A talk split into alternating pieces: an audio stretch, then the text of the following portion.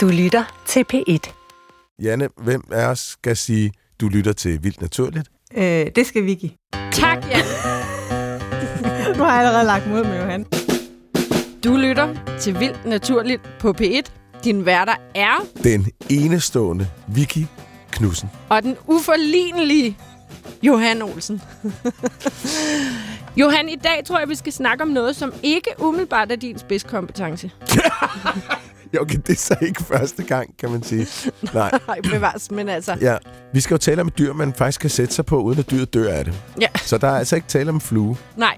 Og øh, jeg har prøvet, øh, da jeg var ung, jeg tror jeg har måske ikke engang været teenager, og så, øh, så gik det hverken værre eller bedre, end jeg blev. Den synes jeg, det var en dårlig idé, jeg sad på den, og så kastede den mig af.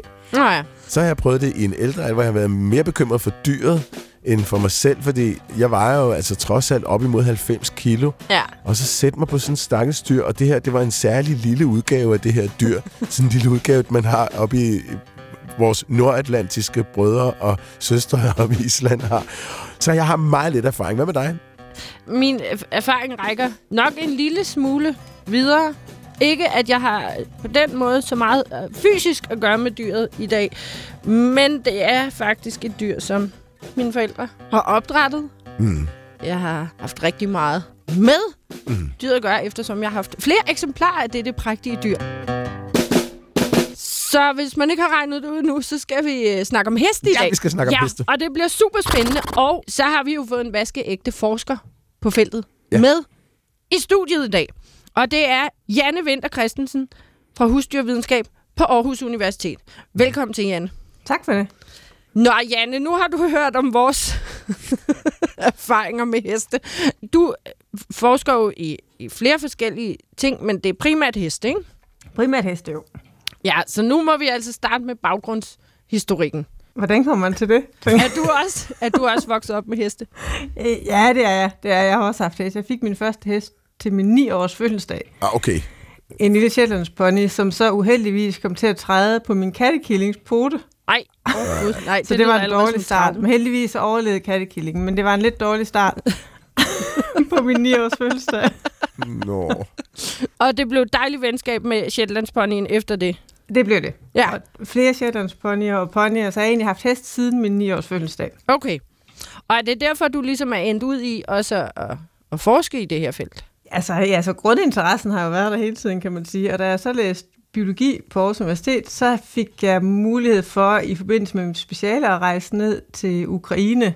Det startede faktisk med, at jeg lavede et, et øh, projektarbejde ude i Gyuskud Zoo, hvor jeg, hvor jeg registrerede adfærd hos en flok zebrahængste derude. Mm.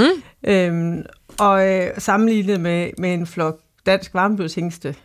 Og så kunne vi se, at der var godt nok mange ligheder i deres adfærd. Så var der også nogle enkelte forskelle, ligesom i, blandt andet i forbindelse med, med sådan noget kampleg, hvor, hvor hængsterne cirkler rundt og bider hinanden i benene. Jeg ved ikke, om I har set sådan nogle Ja. ja. zebrahængste, der slås. Og varmblodshængste, de var mere tilbøjelige til at stejle, så de havde sådan lidt, lidt forskelligheder der i deres kampleg. Så snakkede jeg med Rikard Østerballe, som er direktør ude i Giveskud, om hvad der sådan ligger af hestearter imellem øh, zebraerne oh, ja. ja. og, og vores tamheste. Og så siger Rikard til mig en dag, Janne, du skal da til Ukraine, for det var så der, de havde den største population af stravalske heste på mm. et tidspunkt. Hvad er det? Øh, jamen, det er jo så vores sidste vilde hesteart. Okay. Og det vil sige, det er vi egentlig gået og regnet med indtil for nylig her, hvor man så fandt ud af, at stravalske heste måske nærmere er, er efterkommere af de allerførste heste, der blev domesticeret for 5.500 år siden af det Botai-folket. Ja, Botai-folket fra Og Kazakhstan, Lige præcis, ja. Og så har stravalske hestene, så, så de er sandsynligvis efterkommere efter de heste, som Botai-folket øh, domesticerede dengang, og så er de så forvildet sig igen. Okay. Nå, De har jo været meget tæt på at uddø, stravalske hestene, og er, er så blevet bevaret igennem avlssamarbejde. Og der har man en rigtig stor population af dem nede i det sydlige Ukraine, lige nord for Krimhaløen. Så da skulle skrive speciale i sin tid, så fik jeg så en aftale i stand med, med dem dernede. Det var inden vi sådan, det var inden vi rigtig begyndte med e-mail og den slags, så jeg sendte et brev til dem og fik svar flere måneder senere. og rejste så øh, derned og sammen, med, og sammen med nogle russiske biologer, så øh, var jeg så ude og registrere adfærd hos, hos en gruppe af de her stravalske hængste. Og, og de lever relativt frit i reservatet dernede. Altså det, man styrer avlen, og det er jo på grund af avlssamarbejde. Mm. Så de havde sådan en stor population af, eller en stor gruppe af, af hængste, sådan en bachelorgruppe, med både nogle ældre hængste, som havde været avlshængste, og så alle de unge hængste. Og så var der så også haremsgrupper ved siden af. Så vilde heste, de finder sammen i haremsgrupper og i Og alene hængste. Ja, unge, unghængstegrupper. Unghængstegrupper. Ja. Nå, spændende. Og det er jo fordi, de sociale dyr, så overskudshængstene skal jo også have et sted at være, så hvis der er en haremshæng, som er sammen med en masse hopper, Mhm. og deres afkom, så vil der være nogle overskudshængste i det system. Men det er altid bedre for et socialt dyr som hestene at finde sammen i grupper, så derfor så finder unghængstene og overskud, de ældre overskudshængste også som, sammen i grupper. Mm. Så det er de her unghængstegrupper, eller ungkarlegrupper, som man vil. Bachelor. Bachelorgrupper. Det er meget, det er meget Ja. sødt navn til det. Ja. Ja. ja, nu siger du avlshængste, men altså, det, altså, fordi det lyder meget som noget, man har øh, derhjemme, skulle jeg til at sige, på øh, gården. Men det er altså heste, der lever helt vildt, selvom de... Så avlshængste er bare de hængste, der har Ja, men vundet fordi man så styrer avlen på grund af avlssamarbejdet. Okay. Så, så, så i reservatet der, der laver, man lavede så sådan en sortering, når det var nødvendigt at skifte haremshængsten ud, fordi at man skulle bruge generne fra et andet hængst. Mm. man har været nødt til at styre avlen af dem, fordi de jo har været en truet dyreart. Så nogle gange så bliver der måske en, en hængst overført fra en zoologisk have et andet sted Ja. For at sikre den genetiske For at- Lige diversitet. præcis, ja. Okay. Og så skulle den avlshængst, eller haremshængst jo sorteres fra haremmet. Og det gjorde man ved med, med, med tamheste og få dem få hele haremmet jaget ind igennem sådan et slusesystem. Mm. Og så en eller nogle få heste af gangen, og så kunne man enten åbne en låge til den ene side, og der kunne hopperne så komme ud på slette græslætterne igen, hvor de skulle gå. Øh, og, og så fik man isoleret øh, haremshængsten, hvis han så ikke skulle fungere som haremshængst længere, og så blev han sluset en anden vej ud og kom over øh, i de områder af reservatet, hvor mm. bachelorgrupperne så gik i stedet for. Mm. Men det må da have været altså, helt utrolig øh, frustrerende for haremshængsten. Når han bliver lukket fra hopperne, ja, Ja. det har været ja, kæmpe belastning, og det er Ja. ret vildt, at jeg har set det en gang, hvor de sorterede hestene der. Det, det, er, det er ret voldsomt. Ja. Og, men det er jo noget, man har valgt at gøre, altså for, for at redde arten. Ja, ja, lige præcis, selvom det kan virke lidt, øh, lidt, lidt hårdt. Men var der aldrig nogensinde, hvor bachelorgruppen bare, fordi jeg går ud fra, at ligesom, øh, helt naturligt, så vil der på et eller andet tidspunkt være en fra bachelorgruppen, der føler sig stærk nok til at udfordre øh, alfahanden over i haremmet. Skete det aldrig så naturligt, at, at Jo, men de- bachelorgruppen... Men de blev så holdt fra, altså, okay. Så, så det er nogle kæmpe, kæmpe områder, så det er kæmpe hegnede områder, men der er et hegn imellem, hvor bachelorgruppen gik, og hvor, og hvor haremsgruppen gik, så de kan ikke komme sammen. Så de kunne ikke... Okay, Nej, for ellers så ville de jo gøre det. ja, lige præcis. Så ville de jo udfordre og se, om de kunne komme til fadet i stedet for. Ja. Nå, men tilbage til, hvad fandt du så ud af med deres øh, leg der i forhold til zebraer? Jamen for det første, det, altså det jeg synes, der var, er så vildt fascinerende, det er, at når man så observerer på de her øh, heste, som lever så frit som overhovedet muligt, bortset fra at man styrer avlen, så viser de simpelthen så meget adfærd, som er fuldstændig magen til en adfærd, vi ser hos vores tamheste, når de får lov til mm. at vise. Altså deres sociale adfærd, alle de typer af adfærd, de viser, er jo ens. Og det er jo vildt fascinerende, når man tænker på, hvordan vi holder vores tamheste, og hvordan de bliver pakket Ja. ind, når de står i boks.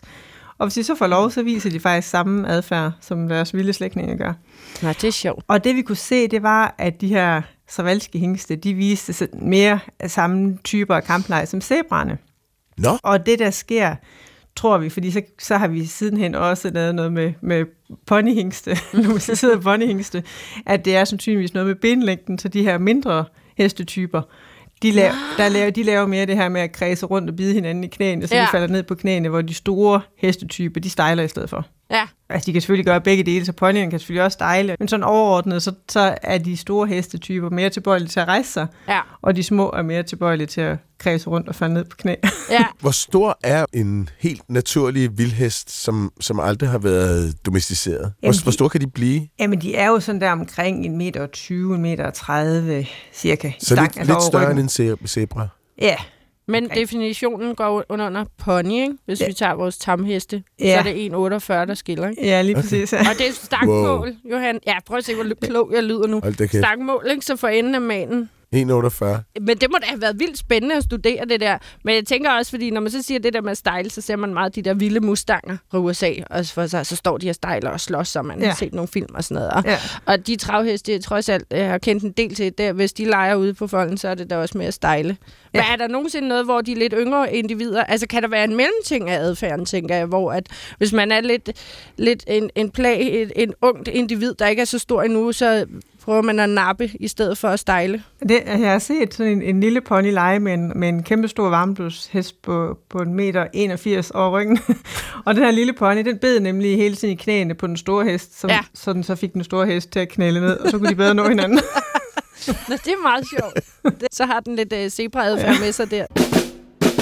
Nu har vi så hørt din udvikling med heste, siden du var ni. Hvad med hestenes udvikling? Jeg er så lidt nysgerrig på deres filogeni eller evolutionshistorie, fordi jeg kan huske, da jeg var lille, at så var der altid sådan et billede i biologibøgerne. Altså har man fundet bittesmå heste og lidt større heste og lidt større heste. Så var der sådan en udviklingslinje, ikke? ligesom mm. man ser sådan fra abe til menneske, de der Ja. t-shirts, man kan få. Ikke? Og så så man de der heste, og så tænker jeg, jamen det er jo så en rum tid siden, jeg har læst i sådan en biologibog. Ja. Ja. Hvordan er hestenes udviklingshistorie egentlig? Hvor gammel er den? Hvornår optræder den første hest? Og det er jo, altså, det er jo simpelthen en skoleeksempel på evolution, Ja. hestarterne. Ja. Mm. Det er jo helt fantastisk. Ja. Og de, altså, den første slægtning, man sådan kender, det er den, man, der hedder Eohippus. Så det har jo været sådan en lille bitte fyr, hundelignende faktisk, Nå, som kun har været øh, altså sådan 60-65 cm over ryggen, og så havde den, Nå. så havde den tæer, så den havde fire tæer foran, øh, og tre tæer på bagbenene. nej. Og den har, jo, altså den har jo levet i de her varme skove, subtropiske skove, der har været på det tidspunkt, øhm, hvor, hvor det var godt at kunne gemme sig, og miljøet har været fugtigt, så derfor var det godt at have tæer, så man ikke synker i. Og i mange, mange millioner år, så, så blev miljøet ved med at være på den måde, men så for omkring 18 millioner år siden, så begyndte miljøet at ændre sig, og det blev køligere, og det blev mere tørt. Og så er det efterhånden, at de her store græsletter, de opstår. Og så udvikler hesten sig jo stille og roligt og tilpasser sig til miljøet, så tæerne forsvinder. Og den midterste tog, det kan så ikke helt være den midterste, når der var fire tæer foran, men en af tæerne på forbenet bliver til, den, bliver til hoven, som hesten står på i dag. Det samme jo på bagbenene, hvor det så må være den midterste tog, fordi der var tre tæer ja. bagpå, som bliver til hoven, som hesten løber på i dag. Efterhånden, som, som miljøet blev mere tørt, og, øh, og græsletterne her opstod, så var det ikke så let at gemme sig, og så rovdyrene kunne lettere få øje på dem, så det var klogt at kunne begynde at løbe rigtig hurtigt. Det kan man så bedre, når man så har, i stedet for at løbe på tæer, man så får en hov i stedet for. Og så bliver de også meget mere langlemmede, så de hestene bliver større og større, så de får længere ben. Mm. Og så tilpasser de sig også til føden. Så, så i starten, der har de jo spist frugter og bær. Øhm, Ja. Og så skal de til at tilpasse sig til at spise græsser i stedet for. Og sådan noget græs, det er hårdt ved tænderne, så derfor så bliver hele deres hovedform også længere, og de får plads til de her kindtænder, som vokser hele tiden.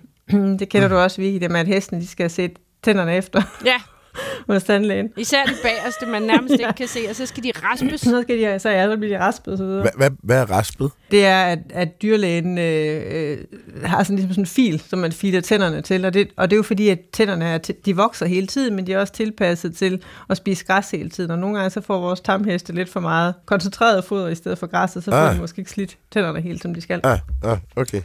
For 18 millioner år siden, så udvikler vi til det, vi vil kunne genkende som en hest. Så begynder de Cirka. at ligne mere Ja. ja. heste, ja. Og så efterhånden, så bliver populationerne jo så skilt ud til forskellige miljøer, så nogen udvikler sig til at være zebra, og nogen udvikler sig til at være æsel, og nogen, og nogen udvikler sig til at være hestene. Og det er jo fordi, de tilpasser sig miljøet. Mm. Altså, det er jo fantastisk, så den her diversitet, Ja. som kommer som følge af, at miljøet ændrer sig. Men hvor nært beslægtet er for eksempel æsler og zebra og heste så? Altså, de har jo den her fælles stamfar. Der er jo nogle forskellige øh, sociale strukturer, som også hænger sammen med, hvilket mm. miljø de, de lever i. Så der er jo nogle af zebraarterne, som er mere territoriale, og nogle, som lever på samme måde, som hestene gør med en haremsgruppe og bachelorgrupper. Og æserne, de er så også mere territoriale, så, så de har jo tilpasset sig miljøet. Men hvis, vi, hvis vi nu ser på de her steppezebraerne, så viser de jo rigtig meget adfærd, som minder rigtig meget om hestene Nå, okay. på grund af deres sociale struktur. Så de, altså, jeg har billeder af zebra heste, der står og knupper hinanden på præcis samme måde, som vi ser vores stamheste stå og knuppe hinanden. Og, mm. Så alle de her social, social adfærdstyper, de viser, er jo stort set ens.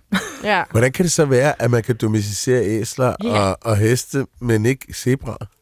Ved, ved man det? Altså det kan man jo også. Der findes jo tamme zebra også, men man har jo så ikke gjort det. Og det er jo fordi, at der har været nogle hestetyper, som har været lettere at, at komme til, og, og der var hele domesticeringen af hestene er startet. Der har man jo avlet efter nogle heste, som var mere rolige.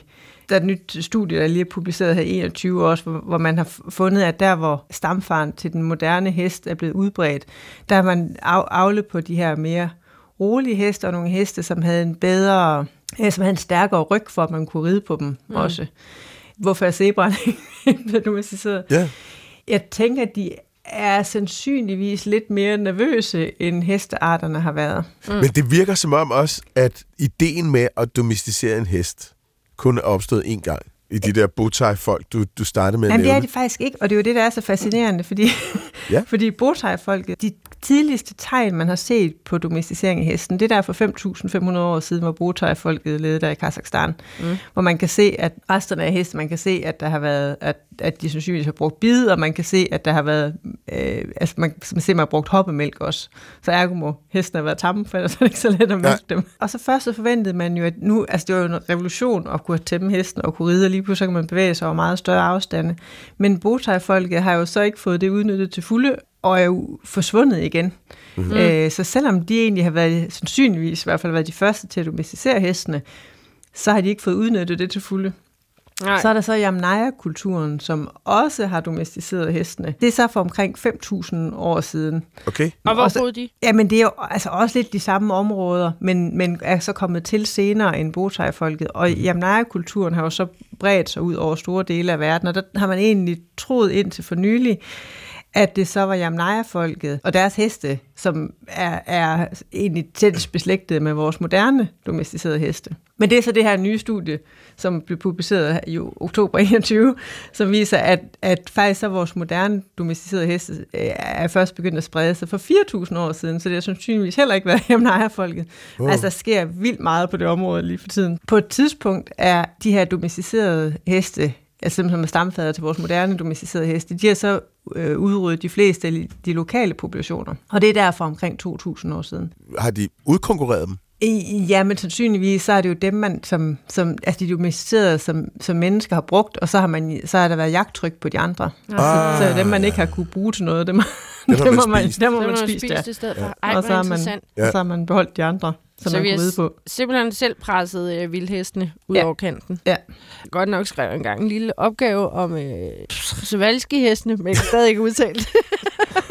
men, men de bliver simpelthen forvildet igen efter det her, startede du med at sige. Ikke? Ja. Så man betegner dem stadig som ægte vildheste. Ikke? Hvis du spørger nogle af evolutionsbiologerne, så vil de nok også måske sige, at så skal de vel også betegnes som ferale heste.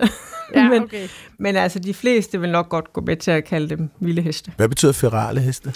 Jamen, det er jo nogen, som har været domesticeret, og så har forvildet sig igen. Okay, der er simpelthen et ord for at have været taget til fangen og blevet sluppet fri igen. Ja, ja. Hvor mange hesteraser findes der?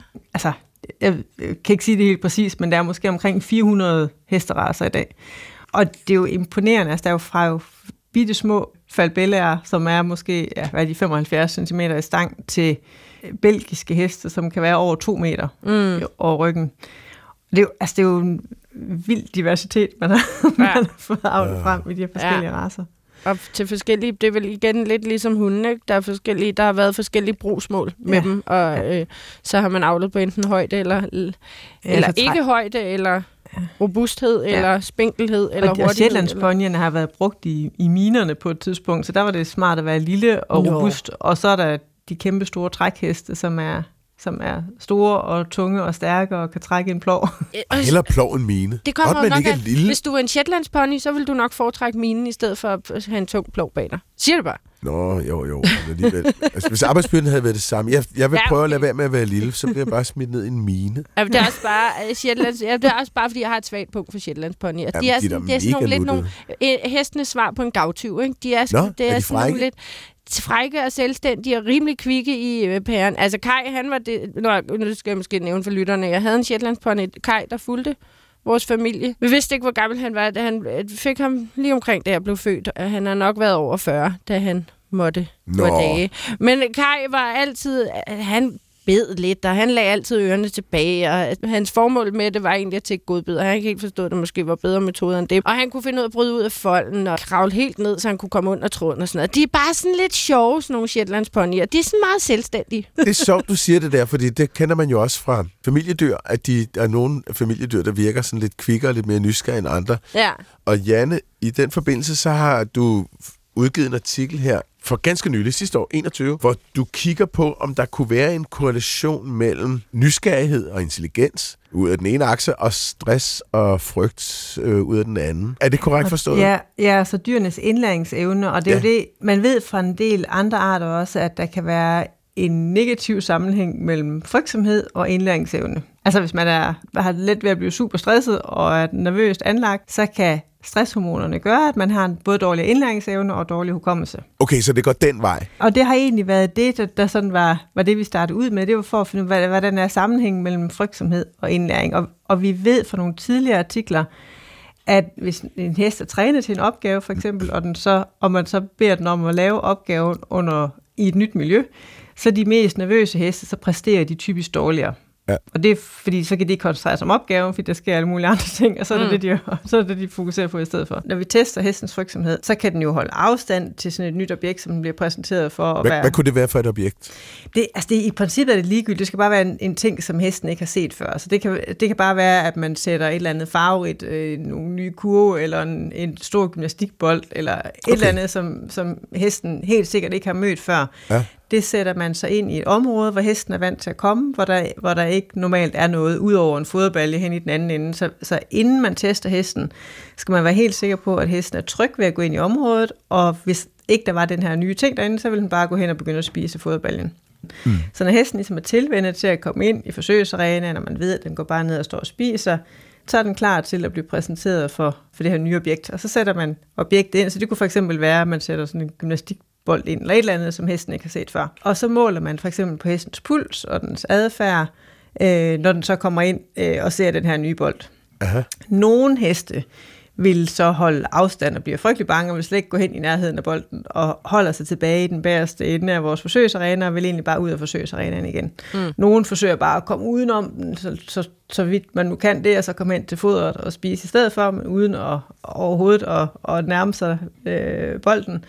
Og andre heste, de vil så gå hen og begynde at undersøge bolden og bide i den og skubbe til den. Mm. Og der fandt vi ud af i den her undersøgelse, at de heste, der gør det, altså de heste, der går hen og snuser og bider i de her nye ting, det var dem, de havde en markant bedre indlæringsevne i vores indlæringstest. Nå. Så der, vi så ikke nogen direkte sammenhæng til frygtresponsen, men de nysgerrige heste, altså dem, der ikke opsøgte objekterne, de klarede sig bedre i to helt forskellige typer af indlæringstest. Wow. Det er faktisk ikke noget, vi har, vi har der er blevet målt eller hos heste før, øh, og faktisk ikke hos nogen af vores domesticerede dyrearter. øhm, men men altså, man, vi kender det jo lidt for mennesker, der, har, der ved man jo også lidt om, at nysgerrighed hænger sammen med vores indlæringsevne. Mm. Helt klart. Og man kan sige, hvor, hvorfor skulle et byttedyr egentlig overhovedet gøre Ja, lige det? præcis. Fordi Ja. der, det kunne jo godt være, altså det kunne være, der var et eller andet farligt, og så, så, så på en måde kan man sige, der, altså, der er det jo lidt en overraskende adfærd fra, fra et byttedyr. Ja. Men det kan måske også være den her motivation til at opnå ny information, som kan være det, der hænger sammen med dyrenes indlæringsevne. I kiggede på 44 individer, ikke også? Jo, Tror du, at fordelingen af nysgerrige og ængstelige heste ville være den samme, hvis du gik ud og, til din øh, sovalski heste eller zebra? jeg tror, der vil være færre nysgerrige, altså i, i de vilde populationer. Ja. Jeg søgte faktisk et EU-projekt omkring det her sidste år, Okay. men det fik jeg desværre ikke. Ah, dammit. Dammit. Hop på hesten igen. Siger. Ja. Sådan, Janne. okay, Janne kom med den første hest, Ja. ja. Det var perfekt. Men det er da sindssygt spændende, fordi for de vilde populationer, der kan i hvert fald lettere være en negativ effekt af at gå hen og undersøge et eller andet ukendt. Mm. Jeg synes, du skal lægge dig i selen og få, og få de, ej, de EU-penge, og så få lavet det projekt, det vil ja. Ja. jeg virkelig gerne vide. Jeg tror ikke, der var det Kai ikke turde. Altså, så havde jeg også læst på et tidspunkt, altså, hvis man virkelig var forsigtig og trænet, så kunne man lære sin hest for eksempel stå under en raslende præsending, som normalt. Og det tog cirka 5 minutter at lære Kai det, ikke? Så længe der var guldrød, så var han ligeglad. og så havde jeg jo, samtidig med Kai, havde vi jo, øh, det var da jeg boede hjemme hos min mor, havde vi også Pernille, som var en gammel travhest, som ikke kunne løbe mere. Eller hun var faldet for aldersgrænsen, for sådan en findes der i mange hestesportsgrene sådan en varmblodig travhest der, selvom hun var meget rolig og sind, så det, det nok taget lidt længere tid med præsendingen med hende, ikke? Og hun var ikke bange for mange ting, men stod der en postkasse, det Ja. var simpelthen noget af det farligste, hun overhovedet kunne øh, Postkasse. se for sit indre blik. Ja, hver gang vi mødte en postkasse, så var det, de var også mange forskellige farver og sådan noget, så forestiller mig lidt det samme som Nå, det er private postka- postkasse. Private på, ja, vi Ikke en havde stor jo mange rød en. ture ud i, Ej, i den store sjovt. verden på Bornholm. Pointen er, om vi ikke også selv ligesom har fremavlet, at nogen er mere modige end andre Jo. jo. raser. Det har vi helt sikkert. Og, og de der varmblodsheste, som bliver brugt til, til sportskonkurrence, til dressur for eksempel, Mm. dem er vi jo kommet til at afle øh, frygtsomme. Nå, Fordi når man har afle efter de her meget store gangarter, som, som dressurhestene viser, et, altså hvis en hest er nervøs og er inde og blive vist frem til, til et avlsarrangement. Mm. Hvis den så er nervøs, så vil den være tilbøjelig til at løfte sig lidt mere i sin gangart. Og det har man simpelthen avle for, fordi jeg synes, man det så flot ud. Så man er nok kommet til at avle på heste, som er mere nervøse. ja. Det gør så også, at man, man i nogle avlsforbund, blandt andet i det hollandske avlsforbund, har været nødt til at indføre nogle nye avlsmål, fordi de, man, det var simpelthen kun professionelle rytter efterhånden, der kunne ride på de der dressurheste. Mm. Fordi de, de er simpelthen for nervøse, de er jo ikke til at, altså, de er jo ikke til at håndtere for almindelige mennesker. Nej. Så det er jo fordi, man er kommet til at avle dem for nervøse. Ja, okay. Og det sjove er faktisk, at, at vi har lavet nogle forsøg, både med islandske heste og med varmblodsheste. Og der, der kunne vi se, at adfærdsmæssigt, så reagerer de islandske heste mindre, end varmblodshestene gør på mm. samme type stimulus, og det vil man jo også forvente. Men, men når vi så så på deres pulsreaktion, så er den faktisk ikke mindre. Nå, okay. Så, så deres puls steg egentlig lige så meget som varmblodshestene, altså de her unge islandske heste, som ikke havde oplevet nogen ting, Ja. ligesom varmblodshestene ikke havde. Og så, så pulsreaktionen var den samme, men adfærdsreaktionen var bare væsentligt mindre. ja, det er jo også interessant. Så man har også avlet, altså de, nogle hesteraser har man også avlet for ikke at vise en kraftig adfærdsmæssig reaktion. De har simpelthen taget en facade på. Ja. Wow. Ja, ja, den er ikke farlig. Jeg dør indvendigt, jeg dør indvendigt, men den er ikke farlig. Og, og så, jeg tror, at der har været den her kraftige selektion med, med nogle raser, altså ved- så en islandsk hest, hvis den sparkede på Island, så blev den jo skudt. Altså, Mm. mm. Ja. så, så får du et ende med Det er et relativt eff- effektivt sparke. avlsprogram. Ja. Jeg synes, det er vildt, at man så hurtigt kan fremavle en ret dominerende personlighed. Mm. Det synes jeg er sådan lidt skræmmende. Ja, også. det er nemlig lidt skræmmende. Og vi skal også snakke lidt mere, for det har du også kigget meget på, Jan. Den måde, vi bruger heste på i dag. Men inden vi snakker om det, så synes jeg lige, vi skal have en lyd. Nå, vi skal have en lyd. Ja, ja. ja. den er nem. Men den er sjov. Okay. Wow.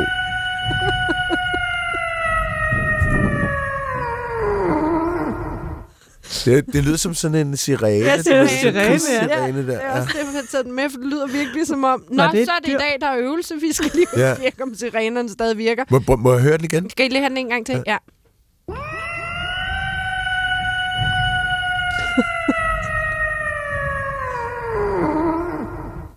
Hold da kæft, et Det var dyr, ikke en mand. hest. Det var ikke en hest.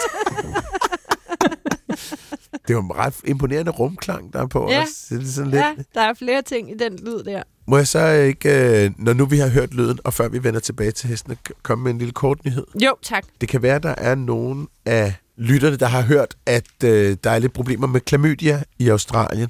Ja, det kan jo være. Ja, og det er koalabjørnene, Ja, som døjer med noget klamydia. ja. Og øh, der er man faktisk begyndt på et vaccinationsprogram, Nå, ja, for, øh, så de ikke får klamydia. Men man skulle tro, det var meget naturligt, at de fik klamydia. Men det er simpelthen ved at være for hårdt for Der er, koalaerne. der, er åbenbart nogle af dem, der... Altså, det, koalerne er presset. Ja, Der er nogle koala-arter, som simpelthen er ved, altså virkelig er helt i det røde. Der er ikke så mange tilbage. nej. Så nu skal vi passe på dem, og der kan man så vaccinere dem mod klamydia. Og nu skal jeg altså lige sige til lytter, lytterne, at klamydia, det er jo selvfølgelig altid en lille tørhøf, fordi så er vi dernede igen. Men det er faktisk, der er mange former for klamydia, Og øh, det ved nogle af lytterne måske også, at man kan også godt have en halsklamydia, som ikke er seksuelt overført. Nu er det med øh, sådan nogle zoonotiske sygdomme. Det er sådan nogle sygdomme, der kan hoppe fra en art øh, til en anden, en vært til en anden. Øh, og nu taler vi dyr. Mm. Er, er noget, der har været fokus på et stykke tid jo i forbindelse med coronavirus. Mm-hmm. Øh, og vi kender også til HIV, som skulle komme fra aber. Ja. Og vi har hørt om fugle- og svineinfluenza. Og så kender man også til det der toxoplasmose fra katte. Nå, men så har der også været et tilfælde af klamydia, som er overført fra fugle til mennesker. Det har man faktisk set før. Nå. Der er, en, der er en by i Australien, hvor 16 mennesker blev inficeret med en klamydia. Klamydia psittaki. Tak. Psittaki. Lyder ellers lidt sushi-agtigt. Det gør det nemlig. Jeg fik også, blev også sulten. Ja. Nå, men øh, klamydia psittaki. Øh, og det fik de simpelthen ved at lave havearbejde, og så kom i kontakt med fuglklatter fra inficerede fugle. Og klamydia psittaki, det er den helt almindelige klamydia-infektion hos fugle. Nå, Men de her mennesker blev ret syge, og en af dem døde simpelthen af, af infektionen. men hvad var symptomerne? Symptomerne er på? typisk øh, sådan en hård, hård, hård influenza. Okay. Ja. Så er der Martina. Mm-hmm. Martina Jeloknik, og hun er, fra øh, Gene Ecology Research Center, University of the Sunshine Coast. University of the Sunshine Coast. Hvorfor har jeg henslæbt mit liv på Københavns Universitet, når jeg kunne have været på University of the Sunshine Coast? Adressen er også fed. CP Downs.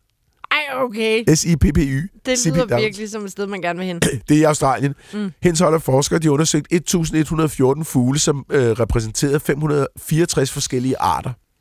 Alle sammen der, øh, fugle, der er blevet indleveret på et hospital for vilde dyr et eller andet sted i Queensland. Ja.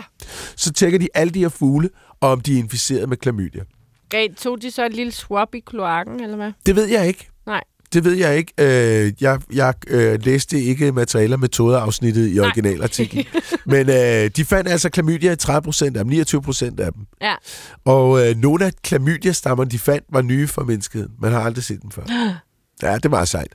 Og så fandt de også klamydia trachomatis. Øh, nej, klamydia trachomatis var den, de ikke fandt. Og det er den, man kender fra mennesker, så den er ikke hoppet fra mennesker til fugle. Okay. Så det er jo sådan set meget fint. Ja. Øhm, godt. Så man fandt ud af, at 30% af de her fugle i Australien, vilde fugle, har klamydia.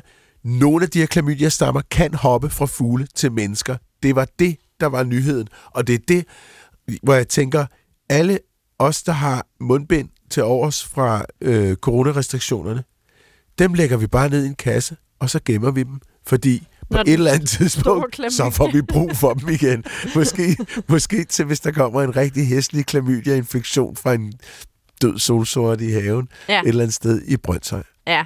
Så synes jeg, vi lige skal høre en glad koala, Ja. der bliver klappet. Som ikke er en gættelyd, men så tager vi bare en ekstra lyd for hyggens skyld. Yes. Det er både Christian Wistrøm og Jesper Sølsten, der har sendt den her ind. Bully boy, bully boy, bully Ja.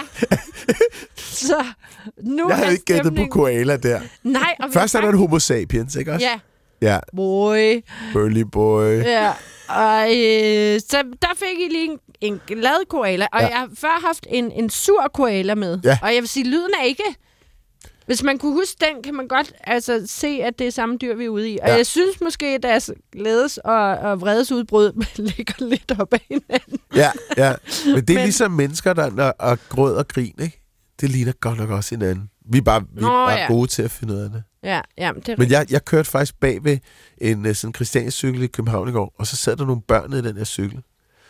Og jeg kunne simpelthen ikke finde ud af, om de sad og græd eller grinede. Nej. Og jeg er ikke psykopat. Altså, jeg har meget godt tjek på det der med at aflæse den slags. Så, så overhalede jeg nonchalant og fandt ud af, at de grinede. Okay. Ja, ja, så blev Ja. jeg jo glad. Jamen, det kan være svært nogle gange. Det er fuldstændig rigtigt. Ja. Nå, vi skal tilbage til øh, hestene.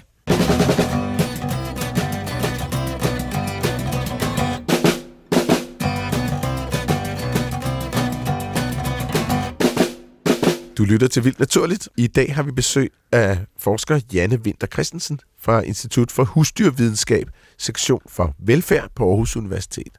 Og vi taler om heste. Er der nogen hesteraser, hvor du vil sige, den, hvis med et trylleslag alle mennesker forsvandt, og de skulle leve vildt fra nu, ikke ville overleve det. Jeg tænker, der er nogle hunderaser, hvor jeg tænker, det, det, det vil nok ikke klare den. Ingen nævnt, ingen glemt.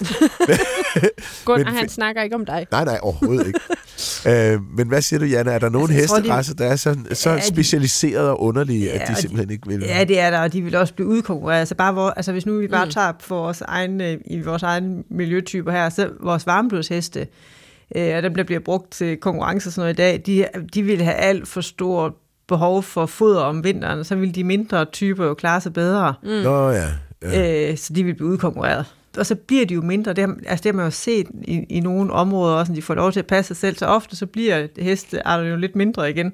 Mm. Så der er jo nok en grund til, at de landede på de der størrelser, som de, Ja. som Ja, de ja. var fra Ja, for det er side. egentlig meget sjovt, sådan rent evolutionært. Der er der jo mange altså insekter, for eksempel, der ja. Er blevet bitte små i forhold til, hvad de var engang. Men hestene, de er lige gået den anden vej, hvor at, øh, og vi havde kæmpe store dinosaurer. Det, er- altså, Ja. Vores pattedyr er heller ikke så store mere.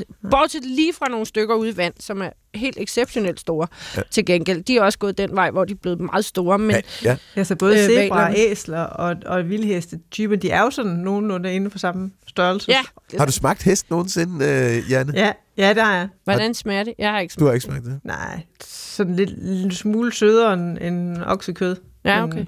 Er det ikke noget med det, vi alle sammen smagte i, i lasagne? Var det ikke sådan for nogle år siden? Nå jo, Der det var, kan jo være. der var Nå, noget der. i lasagnerne. Ja, Ja. ja. Jeg, jeg kan huske, vi, vi havde en slagter på Jagtvej øh, på Nørrebro, som solgte øh, hest, hakket hæk, hestekød. Mm. Jeg, jeg var sgu ret vild med det. Ja, Det var før, jeg gik øh, den, øh, den hellige vegetarvej. den hellige vegetar. Ja, men så spiste vi he- hestekød af og til. Men der er heller ikke, hverken øh, jeg eller mine børn eller min kone har haft noget sådan... Jo, Daisy har jo reddet, som, ung, men hun har ikke noget problem med at spise hest. Jeg har så ikke spist hest, og jeg kørte også med bussen på vej til universitetet hver dag forbi en slagter, hvor der stod hestekød. Ja. Jeg tænkte, det skal jeg aldrig have. Og jeg, jeg har ændret syn siden. Ja. Altså, nu vil jeg Du blev godt- sulten. Nej, men det er mere, hvor meget vi har puttet os selv ned i bokse for, hvad der er klassisk og typisk at spise. Og ja, jeg holder meget af heste, men jeg synes, den dyt mig også, at grise og køer er nogle fantastiske dyr. Vi har bare et helt andet forhold til heste, og det er jo lidt sjovt. Altså, når du lige så godt kunne have en virkelig hyggelig gris gående derhjemme. Det er måske Ja. lidt svært at gå til dressur med den, det ved jeg ikke. Men altså, øh, og det samme med en ko. Hele den her vanetænkning om, hvordan vi bruger dyrene, Ja. ja. den er virkelig sjov. Fordi en gang, Janne, der var hestene vel også mere et brugsdyr end et, et, et, et øh, familiedyr. Ja, der blev de jo brugt i landbruget. Altså, der skulle de jo arbejde. Ja. Det har været lidt ligesom de grønlandske slædehunde, ikke? Altså, Ja. det, det, det er ikke kæledyr. Nej. Det, det er brugsdyr. Ja, lige præcis. Ja. Jeg læste også en, en meget fin artikel med dig med, at i 1940'erne, der toppede det, der havde vi omkring 650.000 heste i Danmark. Det er jo ret mange, for i dag har vi så, som I skriver, kun omkring 185.000. Og det var vel dengang, man netop brugte dem afsindig meget i landbruget og som trækkraft. Jamen, det tror jeg kom gradvist, efter vi ikke havde behov for dem mere. Altså, så, så, øh, og, og, så den her store nedgang, man så efter industrialiseringen, og hvor vi pludselig ikke havde behov for hesten til transport og i landbruget mere, så var der en enorm nedgang. Og så efterhånden, som vi så blev rige og havde råd til at have hest for vores fornøjelses skyld, så så man så, at antallet af heste steg lidt igen. Altså, der er nogen, der har heste som har dem som et familiedyr, hygger sig og tager en tur i skoven og sådan noget, og så er der nogen, der, der lever af at have hest jo Ja. øh, og har mere professionelt til, ja. Til sport og konkurrence. Så jeg tror, antallet begyndte at stige igen efterhånden, som vi fik råd til at have dem for vores fornøjelses skyld. Ja, Nu har du øh, forsket faktisk hele din karriere, så det ud som om, at du har haft ret meget fokus på frygt hos særligt heste. I din ideelle verden, hvordan levede heste så? Levede de vildt alle sammen? Øhm, altså jeg skal sige, jeg har jo selv heste derhjemme. Ja. og og det, jeg- det, jeg mener, der er vigtigt, det er jo, at de får deres naturlige behov opfyldt øh, i så vid udstrækning som muligt. Mhm. Så jeg, jeg mener ikke, det er hensigtsmæssigt at have heste på en måde, hvor den står inde i en boks 23 timer i døgnet, og så er den ude i en, i en ridehal og bliver reddet en time i døgnet. Mhm. Det, det er ikke en hensigtsmæssig måde at have hest på, fordi de er sociale dyr, og de har behov for at kunne bevæge sig frit øh, og være sammen med andre heste. Øh, jeg, jeg mener godt, vi kan give dem et godt liv, hvis vi tager hensyn til deres natur og holder dem i flokke. Ja. Øh, og, og sørger for, at de kan bevæge sig frit. Øh, så, og heste har brug for plads.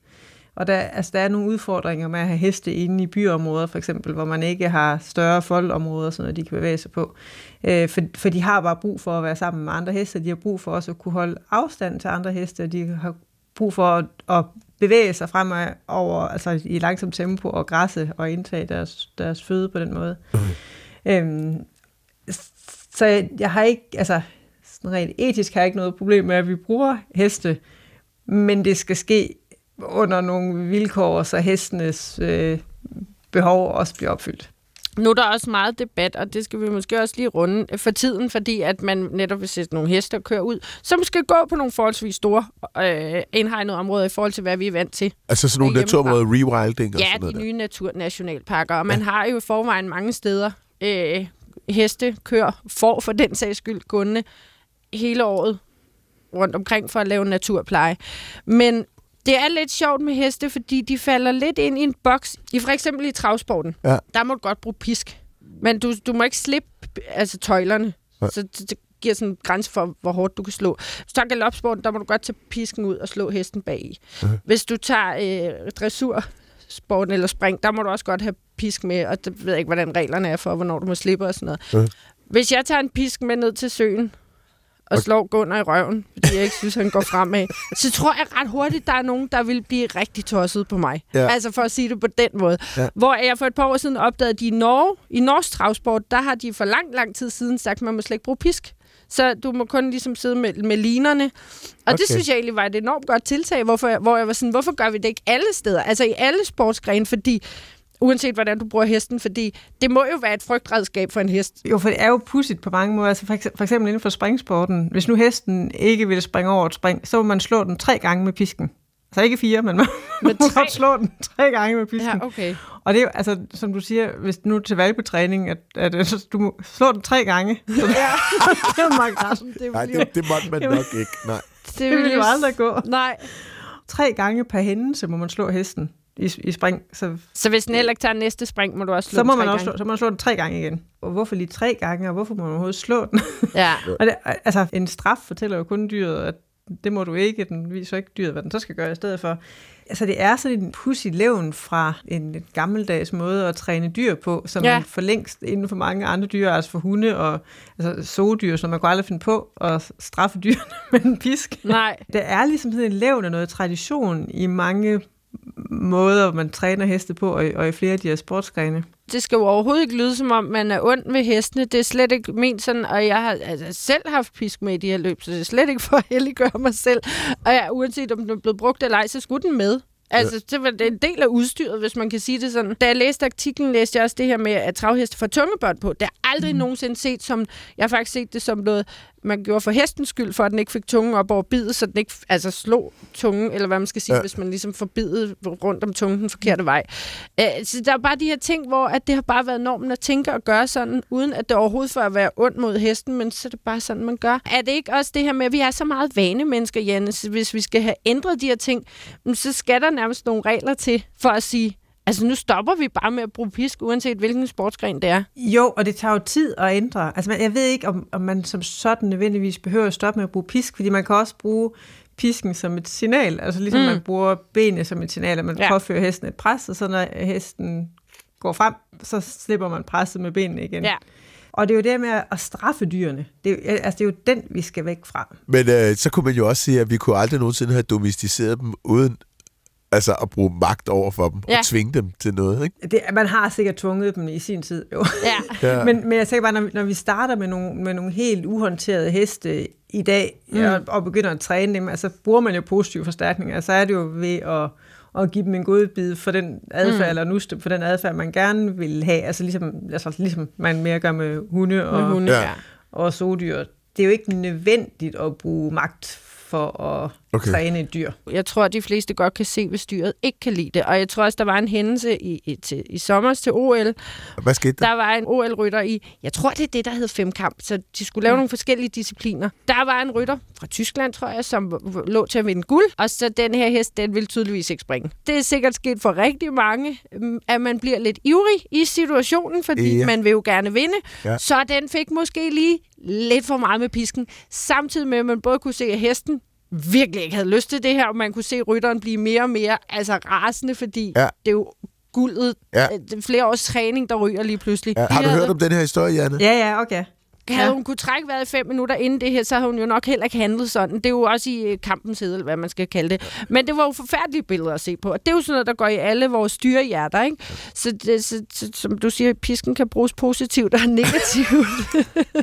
så det ikke, behøves ikke nødvendigvis være en straf. Hold da kæft, mand. Hvor må Men- det være nederen at være henne, ikke? Ja, det må Du være er sådan noget. simpelthen 100% stemplet som ond. Ja, Hun præcis. så guld smuldre, men altså, det var heller ikke specielt fedt at være hest, tror jeg ikke. Nej, Nej, nej, nej, nej, nej. Fordi øh, hesten, den har jo i den grad heller ikke haft en sjov Nej. øh, Nej. oplevelse der, vel?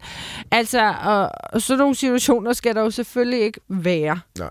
Pointen var mere det med bokse, Janne. Hvor vil du gerne hen med det der med, at det, det er blevet normen at gøre sådan, men måske kunne man lige så godt undvære det i nogle situationer. Altså, hvor meget skal der til, før vi rykker os? Altså, der skal ret meget til, fordi det er nogle traditioner, man har brugt i mange, mange generationer. altså nogle måder at træne heste på. Jamen, jeg ved ikke, ja, du spørger, om det kan være nødvendigt at lovgive omkring, at man ikke må bruge pisk. Så tænker jeg måske nærmere, at man i sine retningslinjer fra rideforbundet øh, siger, at man ikke vil have, at der anvendes straf. Mm. Fordi man kan straffe dyr på forskellige måder. Så man kan med en pisk, eller man kan slå den, eller sparke den, eller hvad man nu vil. Nej, det vil da være... Eller hive den i munden, Ja. ja. eller et eller andet. Altså, Ja. så, så jeg tænker nærmere, at det er det med at straffe dyrene for Mm. en hændelse, som man skal væk fra. Ja. Når øh, de her øh, øh, heste bliver sat ud til sådan noget rewilding, Mm. så er der jo også nogle af dem, der bliver udsat for et ekstremt fysiologisk pres, fordi de pludselig lever vildt og skal finde mad om vinteren og sådan nogle ting der. Der kan vel også komme et problem, fordi offentligheden måske opfatter heste snarere end for eksempel okser, som, øh, som noget, vi skal behandle på en særlig måde. De større dyr har da nok en, en større plads i vores hjerte. Ja. så hvis man ser en, en hest, som man bedre kan forholde sig til, måske fordi man har heste derhjemme, så hvis man ser en hest, der sulter, det vil nok påvirke en mere, end hvis man opdager en mus, der sulter. Ja. Mm. Ja. Måske opdager man slet ikke, at musen sulter, fordi Nej, det er svært at se. men, men, jeg, men jeg tror, at de har da en, en, en større plads hos mennesker, Ja. både heste og men måske også, også okserne. Men siden den her debat er blevet så ophedet, det er jo mere det der med, at vi er så vant til at holde opsyn med vores heste. Vi er ikke vant til, at de skal klare sig selv. Så du har en holdning til det der, Janne? Jeg tænker, at langt hen ad vejen, så, så er det jo rigtig positivt for heste at gå i, altså på de her store arealer og få lov til at passe sig selv. De kan få lov til at vise deres naturlige adfærd og naturlig maternel adfærd over for deres følge, som ikke bliver fravendet. Der er en masse positive elementer i det liv. Og så er der selvfølgelig det omkring sult i vinterperioden, eller at hvis man skal være uheldig at brække et ben. Hvis de lever helt naturligt, så vil der måske være nogle store rovdyr, der, der afslutter det liv, og som også er med til at regulere bestanden i vinterperioden, hvis der ikke er foder nok, og dyrene bliver for svage. Så der, hvor udfordringen er, det er jo, at hvis de ikke Altså, at naturligt, så vil de jo vandre væk fra et område, så de skifter selvfølgelig fra at spise det dejlige græs, som de kan finde i løbet af sommerperioden, og så længe der er føde nok, så vil de skifte deres fødevalg til at spise mere bark og hvad de nu kan finde i vinterperioden. Mm. Så vil de jo selvfølgelig under naturlige forhold vandre, Mm. hvis ikke at der er føde nok. Det, som, altså, som er udfordringen, det er jo, så er de stoppet af et hegn. Mm. Og de områder måske vil være mindre end de områder, som dyrene vil bevæge sig i under naturlige forhold. Mm. Så er vi selvfølgelig nødt til at regulere dem. Jeg tror, at hvis vi får fundet nogle adfærdsindikatorer, som kan vise, at nu sulter dyrene. Og fordi udfordringen har jo været, at når dyrene så har deres flotte vinterpels, så kan det være rigtig svært at bedømme huld på dem på afstand. Mm. Og når vi så kommer hen øh, der i det tidlige forår, når heste så begynder at fælde, så kan man se, okay, de er faktisk rigtig afmagrede. og det er der mange, der vil reagere på. Hvis vi nu kan finde nogle adfærdsindikatorer, som tyder på, okay, nu, nu sulter dyrene, så, er det måske, så kan vi måske sætte ind med den regulering lidt før. Ja. Så vi ikke får de der, de der situationer, hvor dyrene har sultet gennem en længere periode, og lige pludselig så er det tydeligt for alle og enhver, og så opstår der rigtig dårlig stemning omkring projektet. Ja. Så, så hvis man kan sørge for at få reguleret bestanden i tide, måske ved hjælp af nogle adfærdsindikatorer. Og når vi siger regulering, så skal vi også lige huske på, at det betyder ikke nødvendigvis en kugle for panden. Det kan også bare betyde, at, at dyrene bliver flyttet et andet sted hen. Det der med at kalde det sulte, Altså, de finder vel mad, de finder vel bare ikke lige så næringsrig mad, som de gør om sommeren. Så altså, de vil måske gå rundt og være mere sultne end om sommeren. Altså, der er stor men, men... forskel på at være sulten, og så at sulte. Ja, men præcis. Fordi sultne, det er, altså, det er jeg faktisk også lidt nu. Ja, men det er også og Johan har været det hele programmet. præcis. Men det betyder ikke, at vi sulter. Nej, er præcis. Og det er helt okay at være sulten. Altså, Ja. ja. det er jo helt naturligt at være sulten. Ja, Og, og det vil jo også øge hestes motivation til, eller kvæg, eller hvad det nu er for nogle dyr, til at, at afsøge et større øh, del af området og prøve at skifte føde ja. til den pleje, som vi egentlig gerne vil have dem til at lave. Vi vil gerne have dem til at græsse ned og spise bark og gnave nogle buske ned og sådan Ja. noget, som de måske ikke gør, så længe der er græs nok. Så det er helt okay at være sulten. Ja. Så det er først der, hvor dyrene begynder at sulte og begynder at tabe, så man ser alle de her negative konsekvenser af sult, som jo ultimativt vil ende med, at man dør. Altså det er jo der, hvor problemet er. Ja. Det er jo okay at tabe sig lidt, og det er helt naturligt stravalske heste der i, Ukraine, og hvor også i Mongoliet, hvor de lever mere vildt nu. Ja. Øhm, de, de taber sig også i vinterperioden. Altså de, de er som regel i en ret god foderstand der sidst på sommeren og først Ja. ja. på efteråret, og så taber de så hen, over- hen over vinterperioden, og så tager de som regel på igen, altså hvis ikke det er en for hård vinter. Ja. Øhm, så, så det er jo helt naturligt lige at tabe sig en smule hen over vinterperioden. Det- Jeg kan stadig huske en hund, der fra da jeg var barn, der havde sådan en stødhalsbånd på, fik stød hver gang den gik til en vis grænse. Og det skulle jo netop lære den det der med, at du, hvis du går hertil, så Ja. ja. får du et nap. Hvor jeg sagde, at det skal være bedre for hunden bare at sætte et hegn op, Ja, ligesom ja, begrænset ja. den i, hvor Ja. langt den må. Ja, de er Men, blevet forbudt nu, de de, er blevet der. forbudt nu, Ja, det heldigvis. synes jeg er så meget det går jo fremad det. med nogle Ja. af de der ting. De Tak. fandtes også til heste, men nogle heste, har været i krybebidning. Hvad er det? Det er sådan en stereotypi for heste, der Nå, står okay. for meget i, i boksen. Så, Men- så kan de begynde at, at, at lave sådan noget krybebidning, hvor de ligesom hviler fortænderne på bokskanten, og så, øh, så laver de sådan en lyd, hvor de... Ja. Okay, så det er sådan en gentagende neurotisk adfærd. De Yes. kan også væve. Ja, det, Det, det kan de hvor også. de bare står sådan her med hovedet. Det er Ja, også vi er og tilbage. Og Ja. der var nemlig på et tidspunkt nogen, der udviklede sådan en stødhalsbånd til heste, som de kunne få på. Fordi så, når de så spænder halsmuskulaturen for at lave krybebidning, så fik de stød. Nej, Og min hollandske kollega havde så, hun var også sådan en, der hjalp folk med adfærdsproblemer hos heste, og så fik hun en hest, blev spurgt til rådes om en hest, som havde gået med sådan et, et stødhalsbånd på. Og så prøvede hun at observere, når den havde det på, og så viser det sig, at, at, at den spænder også halsmuskulaturen i alle mulige andre situa- situationer. Så for eksempel som en vrinske, så fik den, så fik den også stød, og, og hvis den var anspændt, så fik den også stød. Og den her hest var blevet fuldstændig kullet. Ja, det er da Og- klart. Ja, og de er så også blevet forbudt i Holland nu, men det var de ikke på det tidspunkt, altså de her stødshalsbånd, for at forhindre en stereotypi. Øh, skulle man måske se lidt mere på grunden til stereotypi. Ja, ja, det kunne øh, man måske ja. gøre. Ja. Det er da godt, at det er blevet forbudt. Ja. Janne, vi når ikke mere i dag. Janne øh, Winter Christensen, forsker ved Aarhus Universitet. Institut for Husdyrvidenskab. Men Janne, konklusionen er, udover at vi må have lavet program nummer to om heste, så vi kan blive klogere på dem, at det er nogle dejlige dyr. Det er nogle skøndyr. Og øh, vi kan både have dem i vores varetægt, de kan også godt klare sig selv. Der er måske nogle ting, man skal se nærmere på, hvis det omhandler, at man decideret straffer dyrene, eller det er bare uhensigtsmæssig adfærd, skulle jeg til at sige, som vi har inkorporeret, fordi vi er vane mennesker igennem hundredvis af år. Skal vi ikke så øh, få humøret lidt op med en lyd? Den kommer her igen. Tak.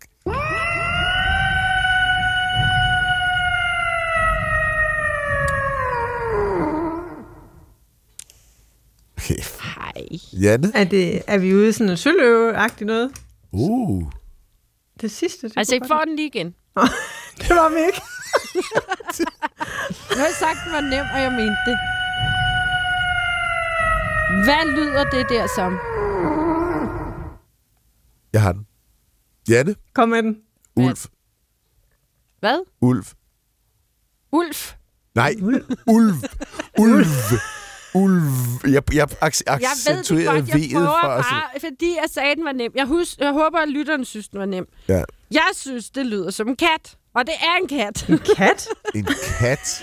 ja, og grunden til, at jeg har taget den med, var for at afrunde det her program lidt fint, fordi at alt det her, vi har snakket om, og regler, og hvordan vi bruger vores dyr, og alt sådan noget, så tror jeg i bund og grund, så kan man faktisk altid se på et dyr, om den er glad og tilfreds, ja. hvis man har en lille smule forstand på det. Og, og det vil man også kunne med en hest, uanset om den bliver lokket med pisk eller gulerod, og begge dele kan være positivt og negativt. Det er samme med Gunnar, der lige nu står og hiver en blæksprutte for at få Johans opmærksomhed. Man kan for det meste se, om dyr trives. Og hvis ja. Ja. de ikke trives, så gider de heller ikke udføre arbejdet. Øhm, og, og det her er en kat, der så har fået sat en mikrofon helt op til snudskaftet. Og øh, der vil jeg bare sige, den ser ikke tilfreds ud, den kat. Det gør den Og ikke. jeg er ikke sikker på, at det er, øh, det er en kat, der, der trives i de 10 sekunder, den har mikrofonen op i, i hovedet. Ej, katte kan jo øh, i den grad finde ud af at vise, når de er utilfredse. Og den her kat, den er bare lidt sur. Så den sidder nærmest sådan nonchalant tilbage og siger, som katte tit siger, inden de skal til op og slås, eller vil slå fra sig. Ja, Men så er der bare nogen, der lige stikker en mikrofon op til den. jeg synes ikke, det lyder som en kat. Okay, Janne. prøv nu at høre, det når du ved, det er en kat. Nej, en underlig kat. Prøv nu at høre. Og man, altså, man kan se, den her kat, den har, den har onde øjne, og halen, den virer frem og tilbage. Det er ikke en glad kat. Det er det altså ikke. Nej. Med de ord ja. vil vi gerne sige tusind tak til dig, øh, Janne Winter Christensen fra Institut for Husdyrvidenskab på Aarhus Universitet, fordi du ville være med og gøre os klogere på heste. Selv tak. Og så håber vi, at, øh, at du får mulighed for at lave den adfærdsforskning på de vilde heste, som du har haft held med at gøre på de tamme heste. Det Ja. håber jeg Jeg også. synes, det lyder mega spændende. Det, der skal vi bede om nogle penge til Janne, så vi kan få styr på det. Send Ja. penge den her vej. Ja, Ja. ja. lige præcis. Ej, det kunne være super spændende at se, hvordan, hvor nysgerrige og modige og andre ting de er. Så vil jeg også gerne sige tusind tak til lytterne. Og Vicky og jeg, vi øh, har talt rigtig meget om siden sidste udsendelse, hvor glade vi er for, at Karsten er en del af holdet. Ja. Vores voksenven, Karsten Nielsen, som hjælper os med at lave udsendelserne. Og øh, så vil vi også gerne sige, at hvis der er nogle lytter derude, som godt kunne tænke sig at sende en biovidighed eller et spørgsmål eller noget ros til os, så kan man gøre det Ja. på en mailadresse, vidt jeg husker. ja, den tror jeg, har her. Du har den der. Vildt naturligt snablag dr.dk. Så kan man også øh, høre udsendelsen øh, på podcast, Lige der, hvor man lyd. finder sin podcast. eller der, hvor man Men- finder sin podcast. Ja, for det er lyder også rigtig godt. Tusind tak for os, og på genhør.